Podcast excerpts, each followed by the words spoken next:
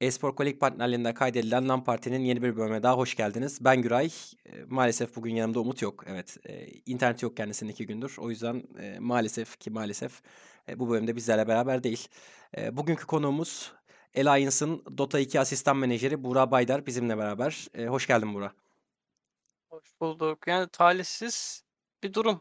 E, birazcık. Baş başayız. Evet, biraz baş başayız. Biraz garip oldu. Kendimi şey hissettim biraz, eksik hissettim açıkçası Umut olmayınca.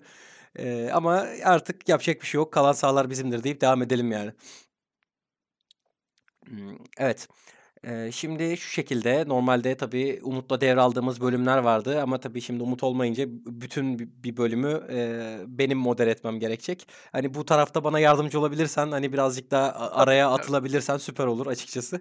Eee, sonrasında zaten yavaş yavaş program ilerledikçe, akışa göre zaten o bir şekil alacaktır diye düşünüyorum. Hı. Eee, normalde, hani, kayıttan önce sana da bahsettim. Eee, yani, bizim birazcık talihsizliğimiz olmuş. Çünkü, hani, LinkedIn'de, birazcık bir arama yapıp, işte, background'unda önceden önceden neler yaptığına bakıyoruz gelen konukların. E, tabii ben, eee, senin title'ın aramada çıkmadığı için bakamadım. Eee, öyle bir durum oldu yani tıklamadım açıkçası. Eee, burada şu ana kadar neler yaptın? Eee, yani, işte, üniversiteden bu yana e-spor serüvenin, şu an buraya gelmen nasıl oldu? Bunlardan birazcık bahsedebilirsen süper olur yani. Tabii, tabii. Eee ilk, elektronik spora girişim resmi olarak 2015 yılında oldu. Eee, kendi takımımızı kurduk Team Reaction diye. Ve o dönem hiç tanınmayan Dota 2 oyuncularıyla çalışmak istedik. Çünkü ülkemizdeki Dota 2 sektörü pek iyiye gitmiyordu ve bizim amacımız da oyuncu havuzuna yeni oyuncular katabilmekti. Bu oyuncuları biz o takım altında Türkiye'nin en iyi oyuncuları hâline getirdik. Dönemin en güçlü takımlarından biri olan HVA Gaming'e kafa tutabilen bir kadro hâline geldik ve biz bu oyuncuları Dark Passage gibi, dönemin Ant Gaming gibi takımlara gönderdik ve bu gönderdiğimiz oyuncular dünya çapında başarı elde ettiler hatta. Ardından BPI Gaming'e geçtim. Orada da bir, eee, yaklaşık 6 ay kadar görev aldım. Orada da gene Dota 2 menajeri olarak görev yaptım. O dönemin top 100 sıralamasında olan 2 yabancı oyuncuyu takıma getirmiştik. Lakin Türkiye'deki turnuva organizatörünün yabancı oyuncuları yasaklamasından dolayı takımımızın bir nevi önü kesilmiş oldu. Bu sebeple tekrardan ben kendi kurduğum takıma geri döndüm. Bu sefer de tamamen yine genç oyunculara yönelik yatırım yaptık. O dönem 16 yaşında olan bir Dota 2 oyuncusuyla 2 yıllık sözleşme imzaladık. Ama oyuncuyu oynatamadan ardından, eee, gene aynı turnuva organizatörünün 18 yaşının altındaki oyuncuları oynatma yasağı getirmesiyle beraber bütün planlarımız altüst oldu diyebilirim. O günden sonra da farkına vardığım şey şu oldu: Türkiye'de benim artık bir geleceğim olamayacağı, Dota 2 anlamında hiç değilse. O yüzden kendimi de tamamen yurt dışına odaklı eğitmeye çalıştım. Bu süreçte tabii, eee, aktif olarak bir Dota 2 menajerliği kariyeri planladığım için yabancı menajerlerle olsun, gene sektör içerisindeki yabancı kişilerle iletişim hâlinde olup, hani, benim böyle bir karar aldığımı, nasıl bir yol izlemem gerektiğini sordum. Onlar da sağ olsunlar güzel bilgiler paylaştılar ve bu doğrultuda kendimi geliştirmeye devam ettim. En önemlisi üniversite bölümünü tercih ederken bana en iyi yardımı sağlayacak bölümü tercih etmeye çalıştım. Çalışma ekonomisi ve endüstri ilişkileri mezunuyum. Bu bölüm altında çeşitli, eee, yönetim sistemleri hakkında bilgi edinebiliyorsunuz. En önemlisi ücret yönetimi ve proje yönetimi alanlarında bilgi edinebiliyorsunuz ve bana kalırsa bir menajerin bir nebze bilgisinin olması gerektiği alanlar bunlar. Ardından yabancı dilimi geliştirdim. İngilizce seviyemi C2'ye çıkarttım. Bunu bir sertifika ile tasdikledim. Ve yabancı iş ilanlarına başvurmaya başladım. Bir Discord sunucumuz var. Sadece bu profesyonel oyuncuların ve profesyonel menajerlerin olduğu, aynı zamanda iş ilanlarının paylaşıldığı bir sunucu.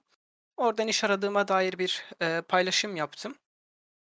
Şu an görev aldığım takımın TI3'te ra finalde rakibi olan, takımda görev alan offlane oyuncusu Fanik bana ulaştı ve takımımda görev yapıp yapmayacağımı sordu.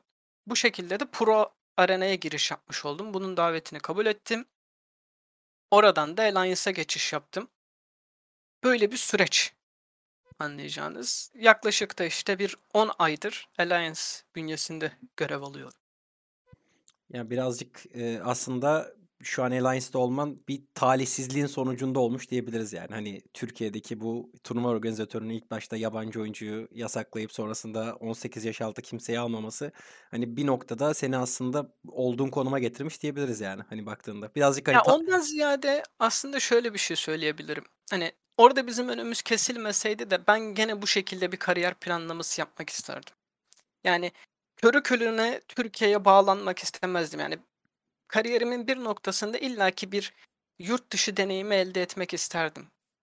Böyle bir yoldan geçmiş olmam sadece bunun daha erken olmasını sağladı diyebilirim. Yani evet birazcık dediğin gibi hı- hızlandırmış oldu süreci. Yani Normalde yani e, çok Dota tarafına hakim değilim aslında LoL tarafına da hakim değilim. Genel olarak MOBA'lara karşı bir e, şeyim var. E, problemim var diyeyim yani alışamıyorum bir şekilde oynayamıyorum oyunları. Ama hani e, bildiğim kadarıyla e, çok da e, böyle tutunan bir taraf. Yani ödül havuzu olsun ne bileyim işte düzenlenen turnuvalar olsun ve düzenli olarak yapılıyor bunlar. E, hani o taraflara hakimim biraz da. Hani bu şekilde yurt dışında sistemli bir şekilde devam eden turnuvaların ya da nasıl söyleyeyim organizasyonların Türkiye'de olmaması bence çok acı verici. Yani bir noktada da böyle yani. Evet, acı verici ama ya Türkiye'de olmamasının aslında iki farklı sebebi var. Bunu ben çok kısa olarak şöyle özetleyebilirim. Bir, Riot Games Türkiye'de çok güzel bir PR çalışması yaptı zamanında. İkincisi de bizim yereldeki takımlarımız Dota 2'nin bu bahsettiğin global sisteminin hakim değiller veya bu global sistemin içerisine girebilecek cesaretlere sahipler. Riot Games öyle bir PR çalışması yaptı ki şu an mesela aktif olan bütün takımlarla konuşsan Dota 2 yatırımı yapmak isteyip istemediklerini sorsan alacağın cevap aşağı yukarı şöyle olacak. İşte Riot Games'in Türkiye'de ofisi var. Biz onlarla çok rahat bir şekilde iletişim kurabiliyoruz. Valve'in Türkiye'de ofisi yok. Onlara ulaşmamız çok zor. Bu sebeple de burada ofisi olan bir firmanın oyununa yatırım yapmamız çok normal. Ama bilmedikleri şey ben mesela şu an Valve'e mail göndersem maksimum bir saat sonra bana dönüş yapacaklar. Ama ben Türkiye'de günlerce Riot Games'ten dönüş alamadığını belirten insanlar tanıyorum ve bunlar sektörümüzün içerisinde olan insanlar mesela. Öte yandan eee Valve sadece Türkiye'de ofis açmıyor. Hani örneğin şu an TI'da Güney Amerika takımları çok başarılı bir şekilde ilerliyor. Güney Amerika'da da Valve ofisi yok. Avrupa'da da bir Valve ofisi yok. Hani bu sadece bize özgü bir şey değil. Hani bu yatırım yapılmaması için bir sebep de değil. Aslında bu sadece arkasına saklanılan bir durum benim izlenimimde.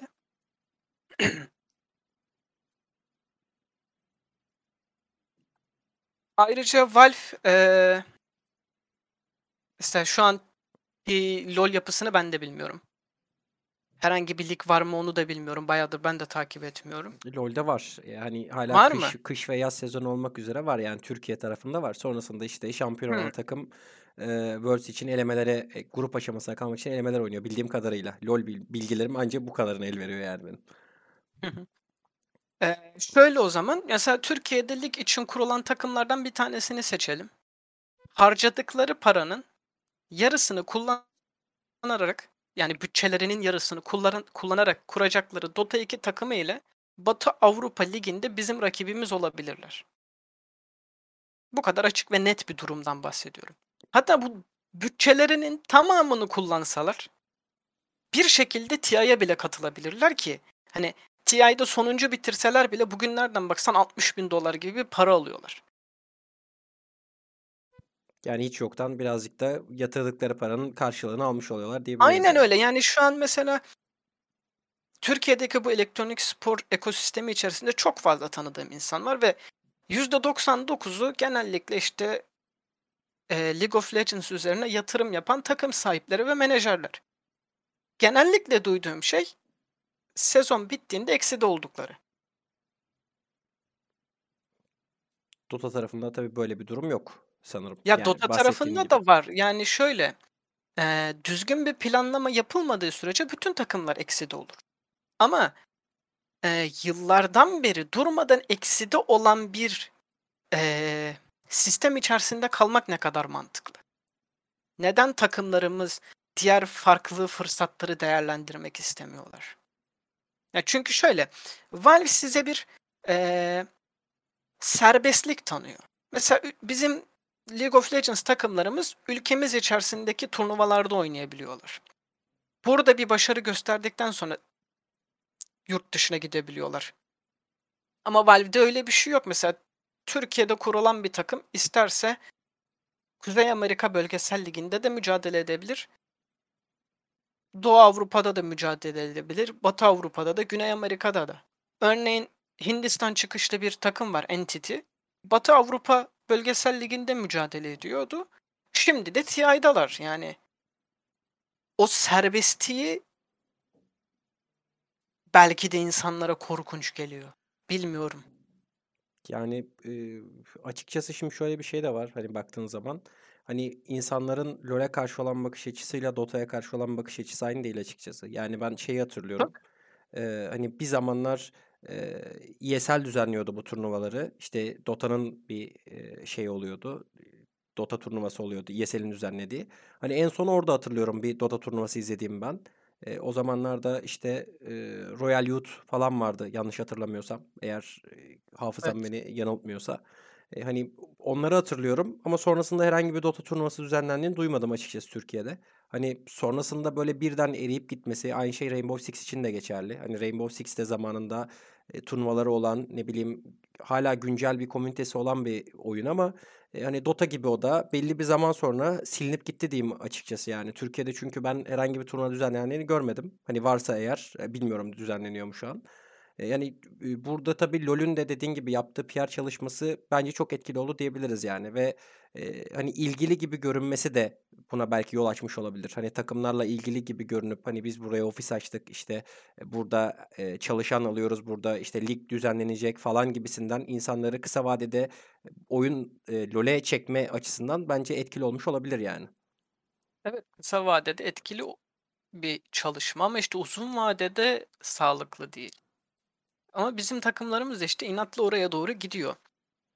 Eee, ilk başta söylediğin şey evet, Royal Youth'un bir Dota girişimi olmuştu zamanında ama bir tek onların yoktu Dota girişimi. HVA Gaming'in vardı, Dark Passage'in vardı, Futbolist'in vardı. Eee, bir de Bursaspor, zamanında Bursaspor'un vardı böyle bir Dota girişimi. Turnuva olarak da, eee, Türkiye'de şu an sadece TESFED'in yaptığı Türkiye Kupası var.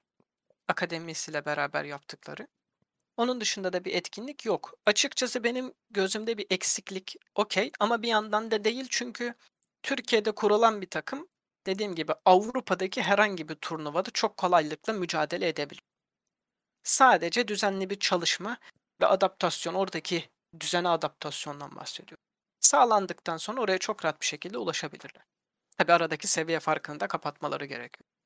Anladım. Ya, eee, peki şey olabilir mi bu takımların gözünü korkutan sebeplerden biri? Doların ve euronun bu kadar inişli çıkışlı olması ya da öngörülemez olması? Aslında Türkiye'deki bir takım için çok yararlı bir durum. Yani bugün $50.000 kazansanız yarın kur arttığında otomatik olarak bir nebze kârınız artıyor eğer giderlerinizi TL olarak tutarsanız. Eee, ya, peki oyuncuları yurt dışından getirmeye kalksa örneğin onlara da çünkü dolar ya da euro ile maaş vermek zorunda kalacaklar. Eee, şöyle bir örnek vereyim. Bu son Ukrayna Savaşı'yla beraber Rusya'ya olan yaptırımlar olsun, Rusya'daki seferberlik olsun çok fazla ülkemize Rusya'dan oyuncu geliyor. Bunun öncesinde Türkiye'deki üzülerek söylüyorum Eee, onu söylemek istemezdim ama imkânların daha ucuz olması, işte bootcamp imkânlarının daha ucuz olmasından dolayı Rusya'dan takımlar buraya bootcamp yapmaya geliyorlardı ve ben birkaç tanesine öncülük ettim. Hani yol gösterdim. Nerelere gidebilirler, nerede kalabilirler Bu oyuncular özellikle Rusya, Kazakistan, Azerbaycan'dan gelen oyuncular aşağı yukarı gider olarak bizim yerel oyuncularla kafa kafaya diyebilirim. Hani belki birazcık daha fazladır. Avrupa'daki oyuncular dediğiniz gibi, hani, çok daha büyük bir beklenti içerisindelerdir. Ama ben yereldeki oyuncuların Avrupa'daki oyuncularla çok rahat bir rekabet içerisine girebileceğine inanıyorum ve çok iyi oyuncularımız olduğunu da düşünüyorum. O yüzden yurt dışından oyuncu getirmelerine bile gerek kalmayabilir. Anladım. Ya, peki şunu sorayım, hani, LoL oynayan, eee, profesyonel düzeyde ya da nasıl diyeyim, eee, profesyonel düzeye adım adıcı adım atacak bir oyuncu, eee, Dota'ya geçiş yapsa, eee, buradaki mekaniklere alışabilir mi ya da alışırsa oynayabilir mi tarzında bir soru sorayım yani. Şimdi şöyle ben bunu arkadaşlarım benim mesela çok LoL oynuyorlar. Ben hayatımda birkaç kere oynadım. O da arkadaşlarımın isteği üzerine oynadım ben. Hayatım boyunca Dota oynadım. Bir de Counter Strike oynadım. Başka hiçbir oyun oynamadım hardcore şekilde. LoL oynadığım zaman da arkadaşlarımla beraber ilk oyunda 42 kill aldım ve ben bu oyunu bir daha oynamam dedim. Şimdi bu benim iyi olduğumu veya kötü olduğumu göstermiyor. Sadece orada güzel bir şey yaptığımı gösteriyor. 2 oyundan yani şimdi Dota'da ben yıllarımı harcadım ama LoL'de de az bir şey oynadığım için 2 oyun arasında aslında benzer gibi görünüyor olsa da dağlar kadar fark var. Ne bir Dota'cı kolaylıkla bana kalırsa LoL'e adapte olabilir ne de bir LoL oyuncusu Dota'ya kolaylıkla adapte olabilir. Tabii bir şekilde adapte olabilir. Sonuçta ikisi de bir MOBA oyunu. Bazı temel benzerlikleri var ama o kadar farklı kazanma faktörleri var ki 2 oyun arasında. O yüzden adaptasyonları zor olabilir diye düşünüyorum. Anladım. Yani, eee, yarı yarıya diyebiliriz bunun cevabı için sanırım. Hani, Yarı eee yarıyadan da az olur ya. Öyle mi? %25 şans falan veririm maksimum. Anladım. Örneği yok çünkü şöyle söyleyeyim sana. Örneği yok. Hani ben, hani, LoL oyuncusuydum, Dota'ya geçtim diyen bir kişi biliyorum sadece. O da yabancı birisi, Finlandiyalı. Hımm. Ya, benim bildiğim Dota'dan LoL'e geçen var. Elvint galiba O biraz yanlış o birazcık işte Türkiye'de oluyor. Hani turnuva olmadığı için oraya kayıyorlar. Hımm. Yani tek problem turnuvanın olmaması Türkiye'de sanırım. Yani bu noktada bakınca. Ya, Türkiye'de çok problem var. Bunlardan birisi sadece turnuva olmaması. Öyle Anladım, söyleyeyim. anladım. Diğer problemlere değinmek ister misin peki? Yani ne nereden başlayacağız ki? Yani istediğin yerden diyeyim. En azından bilgilendirmek amacıyla yani. Ya, demin aslında birazcık ondan bahsettim. Hani Türkiye'deki takımların bu Dota 2'ye dok Dota 2 ekosisteminin hakkında yeterli bilgiye sahip olmaması. Şu onu şu şekilde devam ettireyim ben.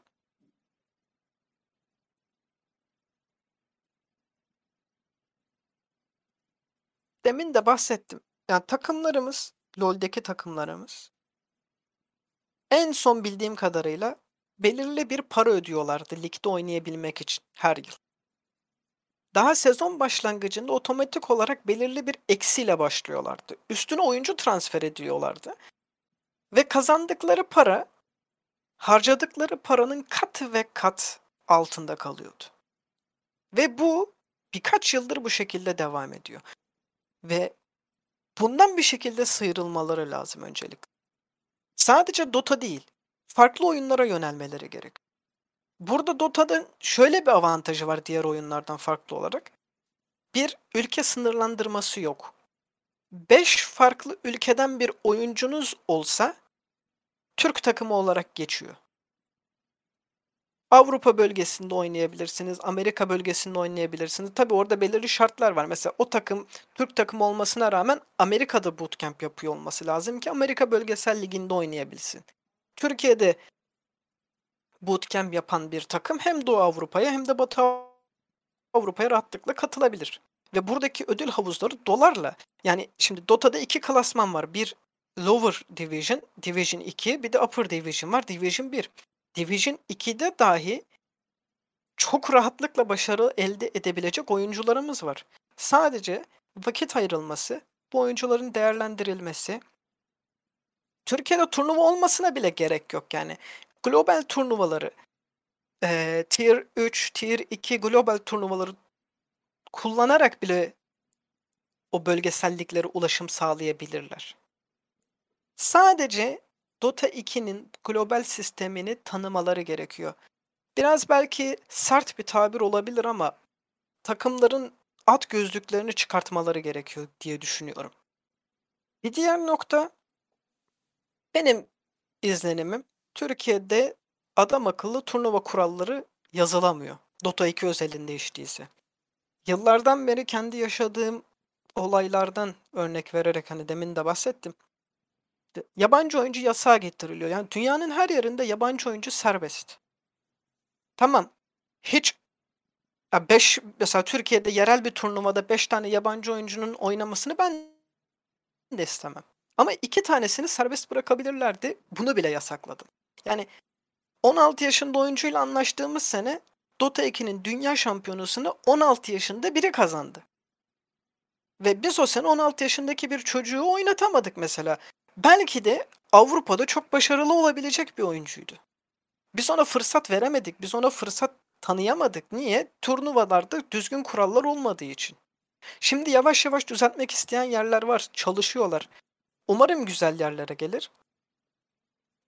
Ama emin değilim. Yani bir kişinin istemesiyle iki kişinin istemesiyle olabilecek bir durum değil. Yani ben mesela bireysel olarak gördüğüm bütün sorunlu yapılar karşısında sesimi çıkartıyorum. Diyorum bakın bu bu şekilde olmaz.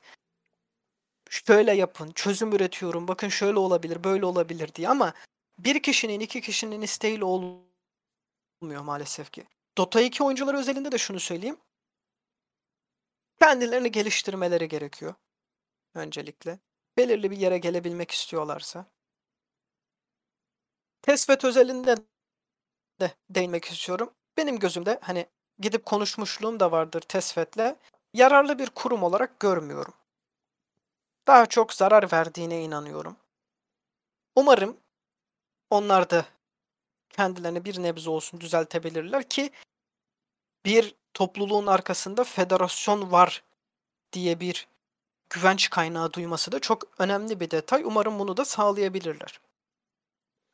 Yani Türkiye e-spor ekosisteminde olan çoğu problemin aynısı yine Dota'da da devam ediyor anladığım kadarıyla. Yani Valorant, CS:GO Aynen. ve yani üzerinde ben daha çok FPS tarafına hakim olduğum için yani bu, bu taraflarda e, çektiğimiz sıkıntıların aynısı ya da çekilen sıkıntıların aynısı Dota'da da devam ediyor diyebiliriz. Yani var diyebiliriz hatta. Yani onu Var, anladım en var. azından maalesef. Biraz ama diğer oyunların aksine biraz daha şiddetli geçiyor. Öyle söyleyeyim.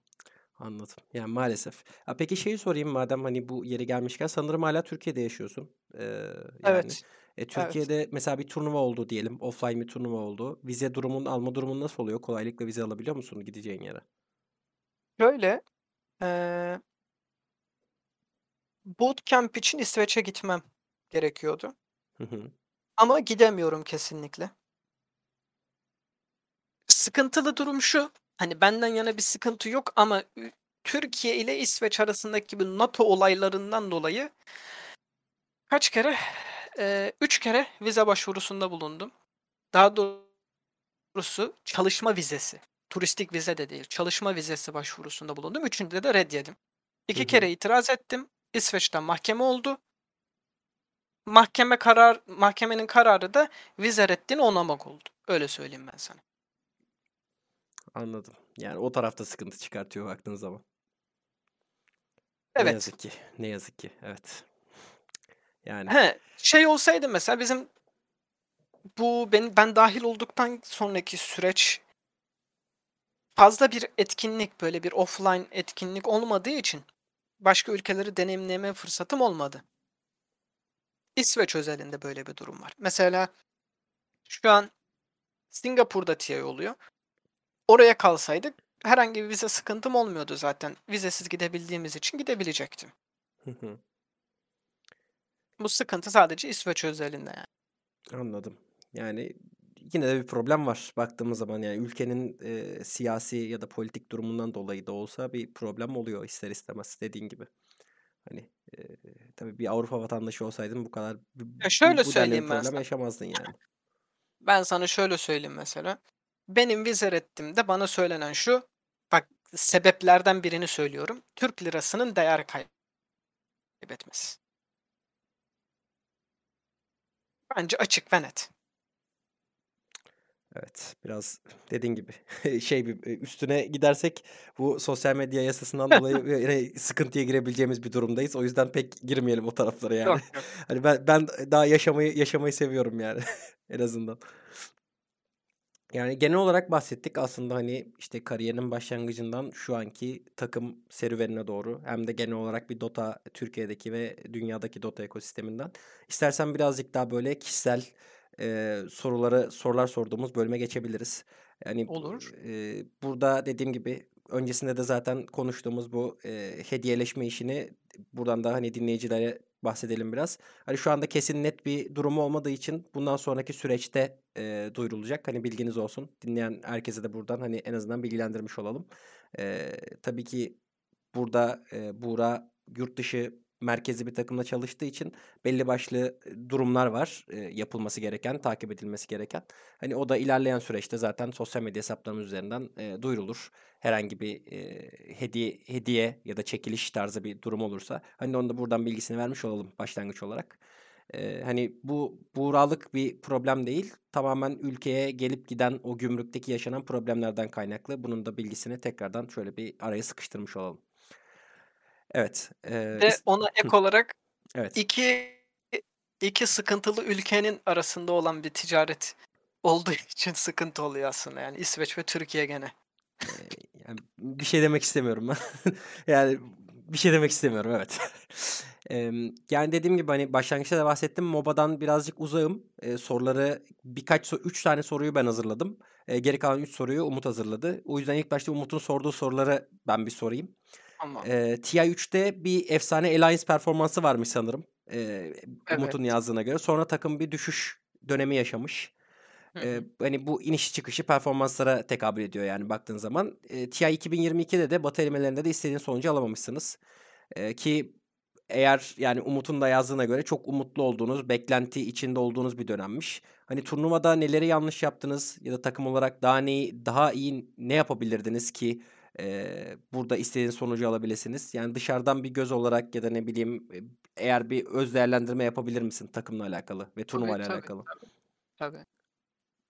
Şöyle şimdi Alliance gibi şu an görev aldığım seviyedeki takımlar hangi eleme olursa olsun, hangi turnuva olursa olsun kesinlikle umutlu olmamız gerekiyor.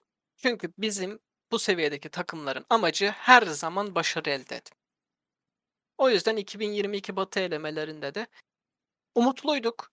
Güzel de bir ilerleme kaydettiğimizi düşünüyorduk. TI3'teki performans eee, ya şöyle söyleyeyim. TI kazandıktan sonra aynı mentaliteyi koruyabilmek, yani dünya şampiyonu olduktan sonra aynı mentaliteyi koruyabilmek çok zor. Örneğin geçen senenin TI şampiyonu olan Team Spirit bu sene main event'in ilk gününde turnuvadan elendi. Hani o yüzden mentaliteyi koruyabilmek çok zor. Nasıl diyeyim bir rehavet havası ister istemez takımlarda oluşuyor. Ama bu hani bizim şu an yaşadığımız kötü gidişin bir sebebi olarak da görülmemeli. Hani burada farklı şeyler var. Ee, diğer oyunların aksine hani buna LoL'ü de dahil edebilirim. Dota 2'de kazanmanızı etkileyecek çok farklı etkenler var. Biz bölgesel elemelerden önce kadromuza değişiklik yaptık ve çok sağlam bir koç ekibi kurduk. Ekibimizde Loda vardı, Arthur vardı, Alagon vardı. Loda TI3'te şampiyon olan kadronun oyuncusu. Aynı zamanda takımımızın ortaklarından birisi. Arthur, Southeast Asia bölgesinde çok fazla tanınmış ve belki de tanıdığım en iyi koçlardan, en iyi insanlardan birisi. Alagon, Doğu Avrupa bölgesinden geldi. Bu bölgede deneyimi olan, çok yenilikçi, çok yenilikçi fikirleri olan, aşırı disiplinli birisi ama buna rağmen biz bölgesel elemeler de başarı sağlayamadık. Bizim için bölgesel elemeler çok zorlu geçti. Oyuncularımıza baktığın zaman bireysel olarak belki de rollerindeki en iyi oyuncular. Ama bir arada istediğimiz performansı veremiyorlardı. Diğer menajerimiz Heroes of the Storm'da dünya şampiyonu olmuş. Fanatik gibi takımlarda menajerlik yap- yapan birisi. Hani biz de elimizden geleni yaptık ama dediğim gibi o uyum sorununu bir türlü çözemedik. İstediğimiz sonuçları elde edemedik. He belki burada şu da olabilir. Avrupa Bölgesel Ligi, daha doğrusu Batı Avrupa Bölgesel Ligi en zorlu bölgeselliklerinden birisi ve biz orada mücadele ediyoruz. Yani rakiplerimiz her geçen gün öngörülemeyecek şekilde güçleniyor. Neleri iyi yapabilirdik? Açıkçası bilmiyorum. Çünkü ee, dediğim gibi koç ekibimiz çok iyiydi. Oyuncularımız bireysel olarak çok iyiydi. Biz menajerler olarak elimizden geleni yaptık. Ama bazen olmayınca olmuyor. Kötü gidişin de devam ettiği için, kötü sonuçlar arka arkaya geldiği için 2013 2023 öncesinde köklü bir değişiklik yapma kararı aldık takımda. Yeniden bir kadro kurulacak. Diğer menajer arkadaşımız ayrıldı. Ne olacak bilmiyorum. Belki bir menajer daha alınır. Belki ben sadece tek devam edeceğim. Koç ekibimiz duruyor. Ama yeni bir kadro kurulacak. Bundan sonraki yıl bize neler getirecek göreceğiz. Artık umarım sizin tarafınıza da hayırlı olur. Çünkü genelde böyle oluyor ya. Hani çok iyi bir beşli kuruyorsun. Aynısı CS için de geçerliydi mesela. Ee, ya da Valorant için de geçerliydi. Ee, hala geçerli olan durumlarda var. Çok iyi bir aslında bireysel olarak çok iyi bir oyuncu. Hepsi birer birer değerlendirdiğin zaman ama beşini yan yana getirdiğinde o iyiliklerinden, o iyi oynayışlarından, bireysel olarak iyi oynayışlarından çok şey kaybedip hani gerek mentalite olsun, gerek işte ne bileyim iletişim eksikliği olsun ya da e, takımın taktik olarak uyum içinde oynayamaması takımın tabii iyi bir sonuç alamamasına doğru sürüklüyor takımı. Hani bu da ilerleyen süreçte hani suçun öncelikle oyuncular üzerinden değil de işte ne bileyim koç ekibi, ne bileyim menajerler eğer varsa birden fazla e, ve en son olarak da performans düşüklüğü de gördükleri zaman oyunculara yükleniyorlar. E, hani çünkü baktığında hepsini birer birer çok iyi oyuncular ama beraber olmayınca da olmuyor dediğin gibi bazen. Şeyde bak şöyle bir şey söyleyeyim. Dota'da aslında tepkiler birazcık direkt oyunculara gidiyor. Mesela bizim takımımız belirli bir süredir kötü sonuçlar alıyor. Bunu biz de biliyoruz. Koç ekibimiz de biliyor, oyuncular da biliyor. Mesela Twitter'dan bize tepki geldiği zaman ya işte şu menajer niye böyle yapıyor demiyorlar veya işte bu koç niye böyle demiyorlar. Direkt olarak oyuncuları hedef gösteriyorlar bizde. Çok Böyle garip. bir değişik Yani noktası var. garip gerçekten. Yani baktığın zaman normalde Türkiye'de olmayacak bir durum ama e, işte Avrupa olunca işler değişiyor galiba biraz. Yani şeyi konuştuk. eee, hani biraz önce işte Dota ve LoL tarafından kıyaslayarak hani LoL PR'ını iyi yaptı. Dota aslında Dota'da ulaşılabilir ama işte LoL'ün yaptığı kadar PR yapmadığı için eee, belirli bir şey olmuyor diye, belirli bir düzeye gelmiyor. Dota'ya verilen önem yeterli olmuyor diye. Hani sence Dota neler yapsa Türkiye tarafında ya da dünya çapında hani sen dedin ya şeyi yok, ofisi yok diye. Avrupa'da da ofisi yok diye. Ama hani Türkiye'de sence neler yapsa LoL'ün yaptığı diyeyim hatta LoL'le e, kıyaslayalım biraz. LoL'ün yaptığı neyi yapsa sence Dota Türkiye'de yükselirdi? Hiç şey yapmasına gerek yok yükselmesi için. E, Çok Ciddi söylüyorum. çok iddialı oldu biraz. Hayır yani şöyle. eee, League of Legends daha eee, yerel odaklı bir oyun gibi düşünelim. Mesela Türkiye'ye hitap ediyor. Gidiyor mesela Avrupa'da kuruyor ama işte Avrupa Ligi'nde de var. Çin'e kuruyor, Kore'ye kuruyor falan böyle. Daha böyle, böyle yerel liglermiş gibi. Daha bir nebze. Dota birazcık daha bölgesel bir sistemi olan bir lig. Atıyorum mesela bugün de, demin de dedim hani Türk bir takım isterse Doğu Avrupa Bölgesel Ligi'ne, isterse Batı Avrupa Bölgesel Ligi'ne, isterse Kuzey Amerika Bölgesel Ligi'ne, isterse Güney Amerika Bölgesel Ligi'ne katılabilir. Önünde bir engeli yok. Ama bunun için işte hani demin de bahsettim birazcık. Ya takımlarımız, yereldeki takımlarımız sırf ülkede ofisleri var ve sözde daha rahat ulaşılabiliyorlar diye LoL'e yatırım yapıyor. ve kazandıkları para harcadıkları paranın kat ve kat altında kalıyorsa, her sezon ekside kapatıyorlarsa, bütçelerinin belirli bir kısmı ile en büyük ödül havuzu turnuvalara sahip olan Dota 2'de sağlam bir takım kurabilecekken kurmuyorlarsa Dota'nın burada yapabilecek bir şey yok. Hani Ya iş takımlarda bitiyor ya geliyor birazcık sanırım. evet. Hı hı. Evet. Ya şöyle söyleyeyim. Bugün X bir takım Türkiye'de ya demin de söyledim. Bunun üstünde çok fazla duruyorum. LoL takımının bütçesiyle Dota takımı kursun. 5 yıllık takım olsun. 5 yılda LoL'de kazandığı başarılardan daha fazla başarı kazanır. Umarım girebilirler diyeyim o zaman. Eğer böyle bir durum dediğin kadarsa eğer gerçekten hani ben dışarıdan bir göz olarak yorumladığım için hani bilmeyen biri olarak e, dediğin kadar varsa ki olacağını da düşünüyorum genel olarak. Çünkü e, rekabet olarak bence LoL'den daha e, rekabet içeren bir oyun gibi geliyor bana. Hani düzenlediği turnuvaların e, ödül havuzu bile bence bunu e, ispatlamaya yeterli gibi geliyor bana. Hani umarım Türkiye'deki takımlar bir noktadan sonra LoL'deki bu girdaba son deyip birazcık da Dota tarafına şey yapabilirler. Ee, hani ben de çünkü Ama Dota'yı 3 kere falan oynadım gerçekten. Hani 3 kere. Ee, üçüncüde de baktım hani çok bana göre değil. LoL de bana göre olmadığı için hani pek o tarafa eğilmedim ama e, eğlenceli bir duruma bir oyuna benziyor. Şey olarak sniper oynamıştım. Bir sniper karakteri var ya. Onu oynamıştım daha önce. Hani umarım e, dediğim gibi Dota tarafında birazcık daha böyle bu eski günlerdeki gibi bir yatırım ya da ne bileyim bir yönelim görürüz yani o tarafa doğru.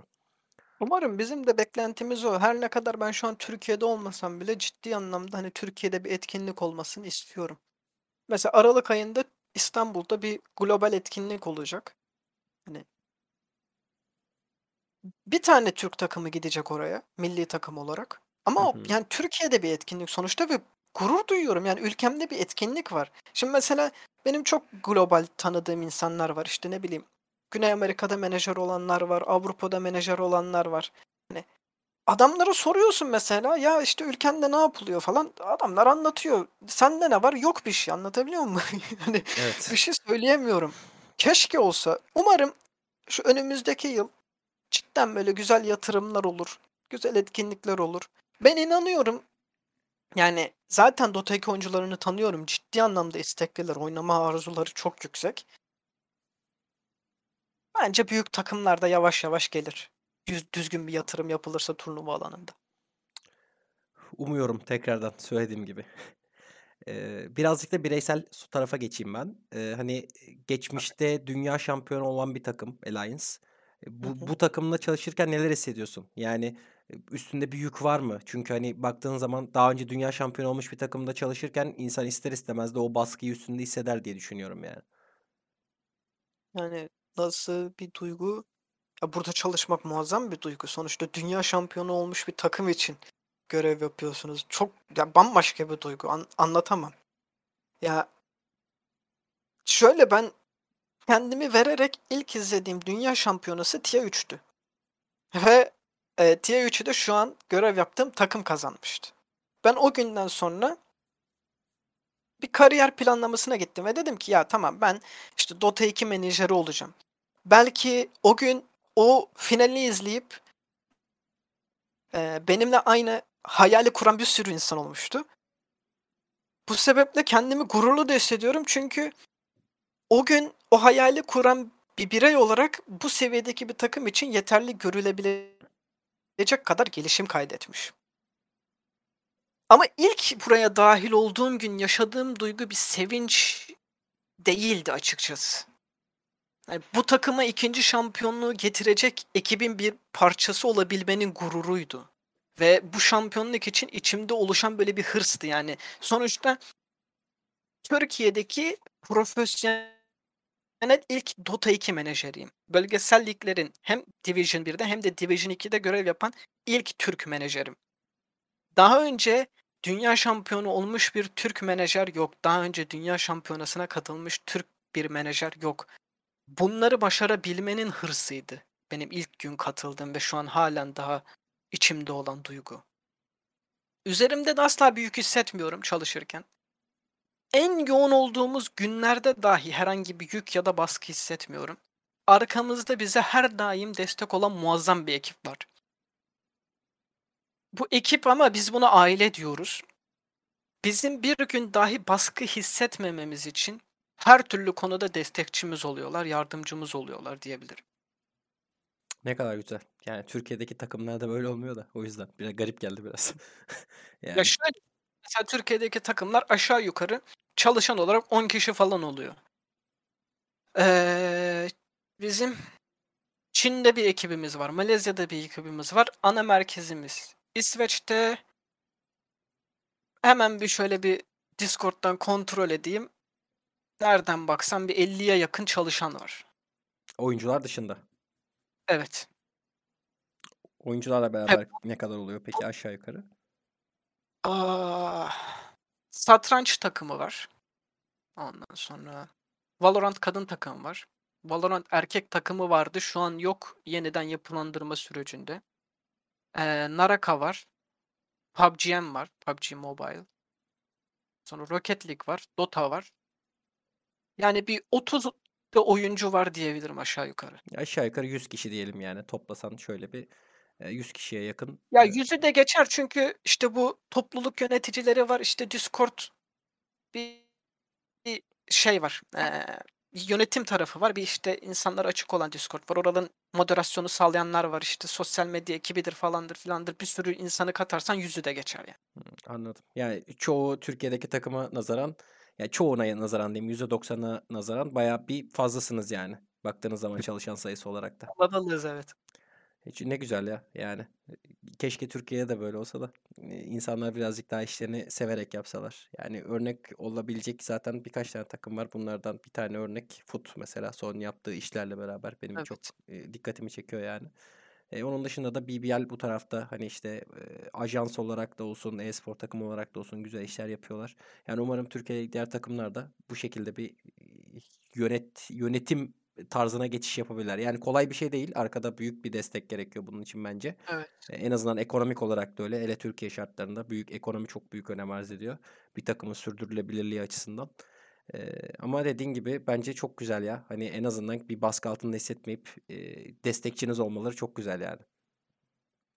Evet. Çok Aa, ne kadar teşekkür etsek azdır yani. Ne güzel. O zaman e, birazcık da e, normal bir gününe geçelim. Hani şimdi söyledin off season'dasınız diye ama hani şöyle sormuş olayım. Off season'daki bir günün nasıl geçiyor? Normal sezon içerisindeki bir günün nasıl geçiyor diye sorayım o zaman. Hı. Yani normal bir sezon içerisindeki bir günüm çok yoğun geçiyor. Sadece bölgesel ligleri düşünecek olursak 3-4 günde bir maç yapıyoruz. Bölgesel ligler dışında da bir turnuvaya katılım gösterirsek bu 2 güne hatta bazen gün aşırı maç yapmaya evriliyor. Eee, maç günlerinde oyuncuların sağlıklı bir şekilde lobilere katılımını sağlıyoruz öncelikle. Canlı yayın ekibiyle koordine bir şekilde gerekli ekipmanların hazırlanmasını sağlıyoruz. Eee, maç günlerinde ve maç günleri dışında medya günleri oluyor. Röportajlar oluyor. Bunların tarih ayarlamalarını yapıyoruz. Tabii ki takımımız için stream ayarlıyoruz. Kısaca özetlemek gerekirse sezon içerisindeki bir günümde bir takımın tak- takvimsel planlamaları ile ilgili her türlü işi yapıyorum. Sponsorlarla, turnuva organizatörleriyle zaten çok yoğun bir mail trafiğimiz oluyor. Bir de Alliance gibi büyük bir takımda görev alınca haftalık performans raporları da veriyorsunuz bir üst birime. Bununla beraber günlük olarak, haftalık olarak, aylık olarak bazı sponsorlarımız ile ilgili verileri toplayıp dokümanlıyoruz. O yüzden sezon aşırı yoğun geçiyor. Boş vaktim olmuyor ama yaptığım işi çok seviyorum. Bulunduğum yeri çok seviyorum. Buradaki çalışan insanları çok seviyorum. Mutluyum da bir sıkıntısını görmüyorum. Sezon dışındaki günlerde ise genelde maç izlemeye çalışıyorum. Oyuncu havuzumuzu geniş tutabilmek adına yapıyorum. Şu an mesela TIA'yı yakından takip ediyorum. Ve yeniden bir yapılanma sürecinde oradan hani bir oyuncu keşfedebilir miyiz? Oradan nasıl bir gözümüze çarpan bir oyuncu olur mu? Adına izliyoruz. Ee, o sezonda daha çok sponsor görüşmeleri yapıyorum. Özellikle yerel bir markanın açıkçası bizimle işbirliği yapmasını çok isterim. Sezon dışı da olsa yine haftalık performans raporlarımızı bir üst bürüme sunuyoruz ama sezon içine göre daha hafif tempolu geçiyor diyebilirim. Daha çok kendime vakit ayırabiliyor vakit ayırabiliyorum diyebilirim. Anladım. Ya, peki sezon aşağı yukarı ne zaman başlayacak? Belli bir tarihi şeyi vardır zaten. Hani baktığın zaman ne zaman işte atıyorum bir ay sonra daha böyle bir yoğun tempoya gireceğim diyebiliyor musun? Eee, ne zaman var mı diyeyim? başlıyor? Sezon şu an ocak ayında başlayacak diye gözüküyor. Hı hı. Şu an işte international yapılıyor. Ayın 30'unda bitecek. Bu ayın 30'unda. 30'undan itibaren artık yavaş yavaş kadromuz şekillenmeye başlayacak. Aralık içerisinde de bir sonraki sezona yönelik çalışmalar daha da hızlanır. Yani bir işte bir arada bir 15-20 günlük bu international sonrasında bir boş vaktim olacak. Ondan sonra gene yoğun tempoya geçiş yapacağım. Yani çok da bir süre kalmamış yani baktığın zaman. Yani Evet. yine aşağı yukarı bir tempoya girmeye başlıyorsun gibi duruyor zaten. Evet, eee, o zaman şey diyeyim. Peki senin sormak istediğin bir soru var mı? Bizim bu tarafa. Merak ettiğin ya da. Hımm. Hiç düşünmemiştim böyle bir şey. Sormak istediğim bir soru size özel mi yoksa böyle genel Ya genel olarak soru mu? olabilir. Bi bizim tarafla da alakalı olabilir. Hiç fark etmez yani.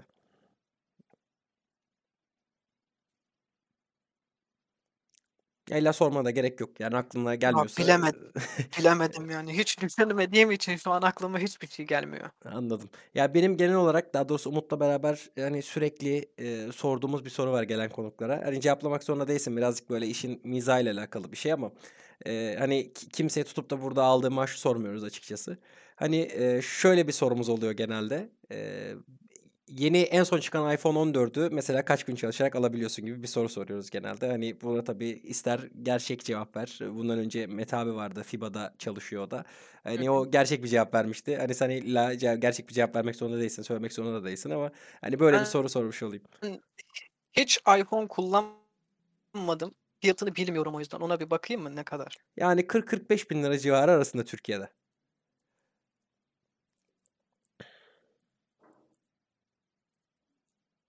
Ya şu an almak istesem büyük ihtimalle alırım ama almam. Ya gününü söylemeyeyim. Ben i- i- i- iPhone kullanmıyorum öyle söyleyeyim. Ya ş- iPhone'u pek sevmiyorum. Anladım. Ş- Xiaomi'ciyiz o zaman. Yo genel olarak hani Android kullanıyorum ama öyle bir marka takıntım yok. Benim için önemli olan güzel kamerası olması. Yani ben boş vakitlerimde böyle e, manzara fotoğrafları, işte gün batımı, gün doğumu çekmeyi seviyorum. O yüzden güzel kamerası olan bir telefon tercih ediyorum. Markası hiç önemli olmuyor. Anladım. Peki iPhone'a karşı olan bu şeyin antipatin diyeyim yani bi- bir sebebi var mı yoksa şey mi yani böyle hani Benim gözümde şöyle, sanki her sene aynı telefonu çıkartıyorlarmış gibi. anladım. Yani tek sebebi bu o zaman. Yani baktığın zaman. Ya ben hani daha önce kullanmadım ve bana cazip gelen bir yanı yok. Aksine hani dediğim gibi hani sanki her sene aynı telefonu çıkartıyorlarmış gibi. Mesela bu sene ne eklediklerini bilmiyorum. Şimdi iPhone 14'ün fotoğrafı var önümde. Yan sekme iPhone 13 açsam %100 eminim benziyordur buna. Aynısını yapmışlardır gene.